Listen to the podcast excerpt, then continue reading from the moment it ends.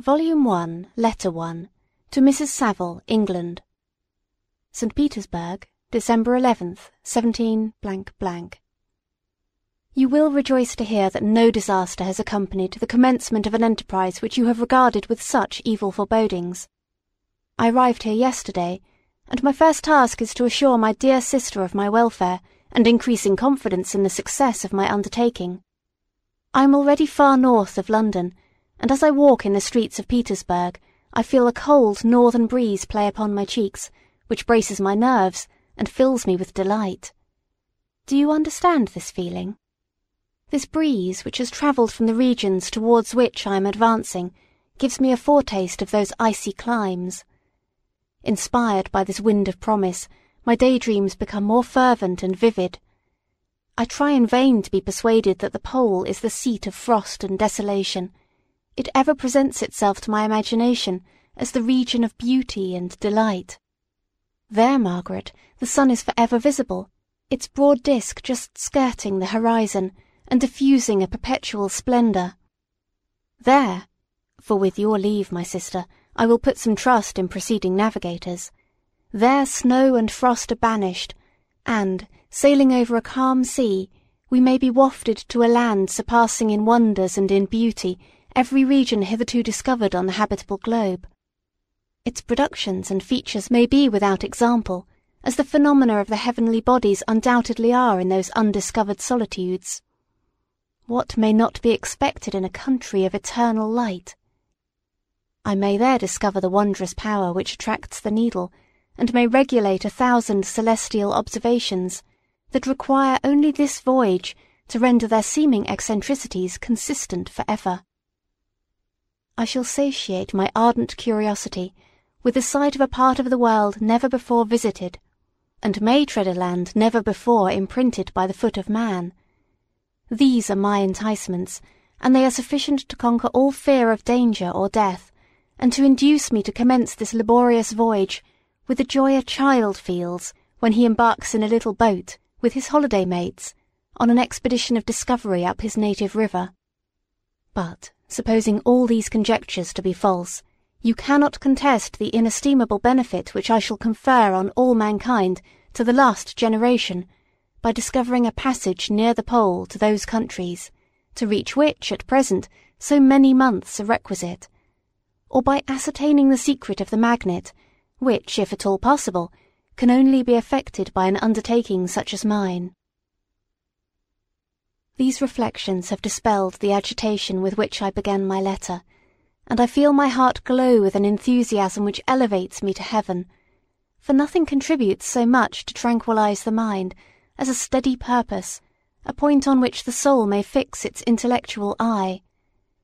This expedition has been the favourite dream of my early years. I have read with ardour the accounts of the various voyages which have been made in the prospect of arriving at the North Pacific Ocean through the seas which surround the pole. You may remember that a history of all the voyages made for purposes of discovery composed the whole of our good Uncle Thomas's library. My education was neglected, yet I was passionately fond of reading.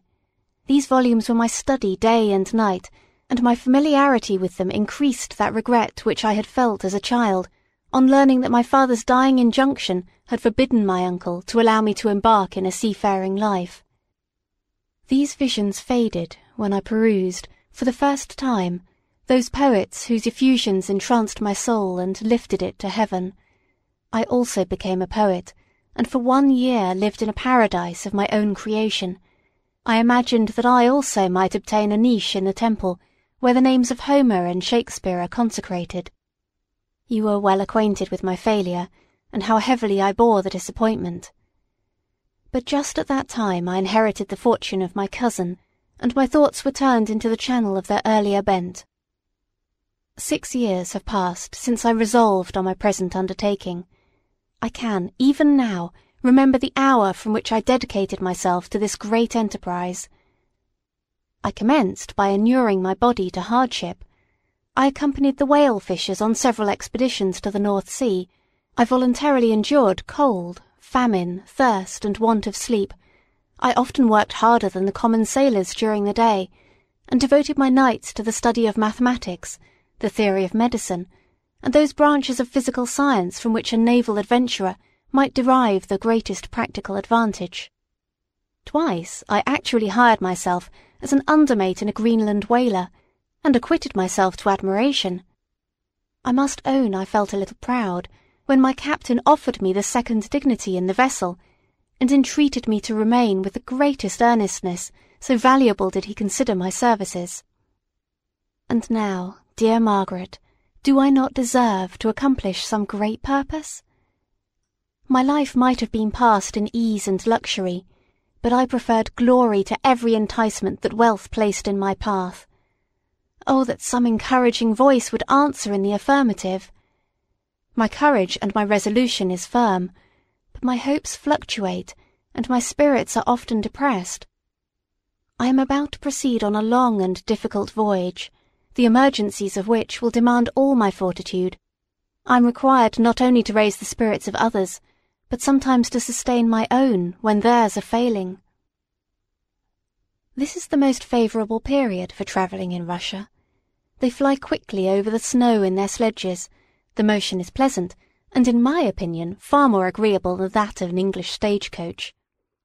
The cold is not excessive if you are wrapped in furs, a dress which I have already adopted, for there is a great difference between walking the deck and remaining seated motionless for hours, when no exercise prevents the blood from actually freezing in your veins. I have no ambition to lose my life on the post road between St. Petersburg and the Archangel. I shall depart for the latter town in a fortnight or three weeks, and my intention is to hire a ship there, which can easily be done by paying the insurance for the owner, and to engage as many sailors as I think necessary among those who are accustomed to the whale fishing. I do not intend to sail until the month of June, and when shall I return? Ah, dear sister, how can I answer this question? If I succeed, many, many months, perhaps years, will pass before you and I may meet. If I fail, you will see me again soon, or never. Farewell, my dear, excellent Margaret. Heaven shower down blessings on you, and save me, that I may again and again testify my gratitude for all your love and kindness. Your affectionate brother, R. Walton.